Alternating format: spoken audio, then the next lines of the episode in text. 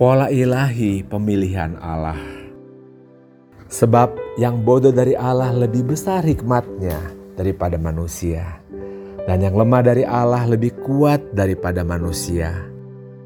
Ingat saja saudara-saudara, bagaimana keadaan kamu ketika kamu dipanggil. Menurut ukuran manusia, tidak banyak orang yang bijak.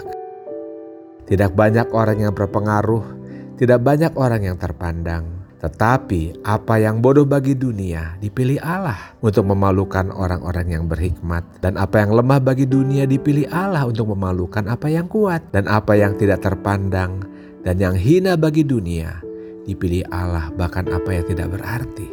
Dipilih Allah untuk meniadakan apa yang berarti supaya jangan ada seorang manusia pun yang membanggakan diri di hadapan Allah. 1 Korintus 1 ayat 25 sampai 29.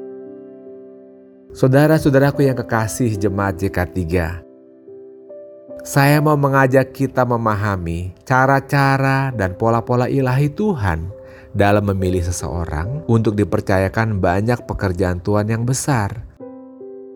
Sebab saya melihat ada anak-anak Tuhan yang minder, merasa tidak layak, tidak cukup pintar, tidak kaya, kurang berpendidikan, tidak bisa ngomong dan merasa tidak akan bisa dipakai Tuhan untuk pekerjaannya. Firman Tuhan di atas menjelaskan pola ilahi yang dilakukan Bapa di sorga sewaktu dia memilih seseorang.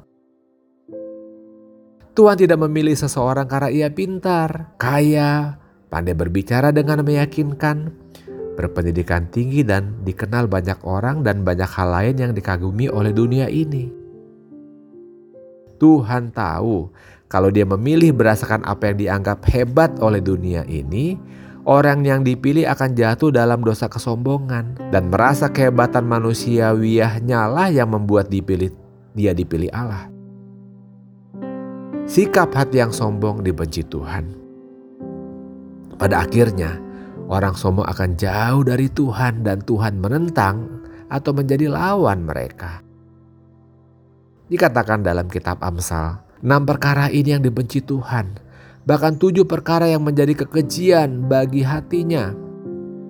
Mata sombong, lidah dusta, tangan yang menumpahkan darah orang yang tak bersalah. Amsal 6 ayat 16 dan 17. Di Yakobus 4 ayat 6 dikatakan, tetapi kasih karunia yang, yang dianugerahkan kepada kita lebih besar daripada itu. Karena itu ia katakan, Allah menentang orang yang congkak tetapi mengasihani orang yang rendah hati. Dengan jelas firman Tuhan yang pertama tadi kita baca 1 Korintus 1 berkata, yang dipilih Allah adalah apa yang bodoh bagi dunia, apa yang lemah bagi dunia, apa yang tidak terpandang, apa yang hina, apa yang tidak berarti. Orang-orang yang tidak ada apa-apanya ini Dipilih Allah untuk memalukan orang yang merasa dirinya hebat, supaya tidak ada orang yang menyombongkan dirinya di hadapan Tuhan, Allah semesta alam. Melihat kriteria yang sederhana yang dicari Tuhan di atas, membuat hati saya terharu dan bersyukur. Ada banyak kita jemaat JK3 yang memenuhi syarat di atas, yaitu bodoh, lemah, tidak terpandang, hina, dan tidak berarti. Saya pun merasa secara pribadi merasa memiliki kriteria-kriteria sederhana di atas.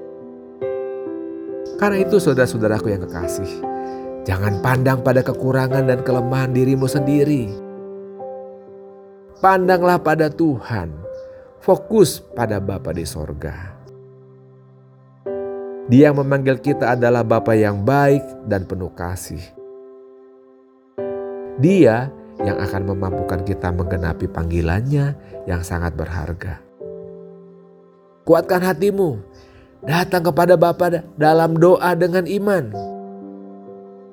Dan terimalah pengenapan janji-janjinya yang sangat besar dalam kehidupanmu mengikuti dia dan melayani dia di bumi ini. Salam kasih seluruh jemaat. Dari saya Rio Sibarani. Haleluya. Amin.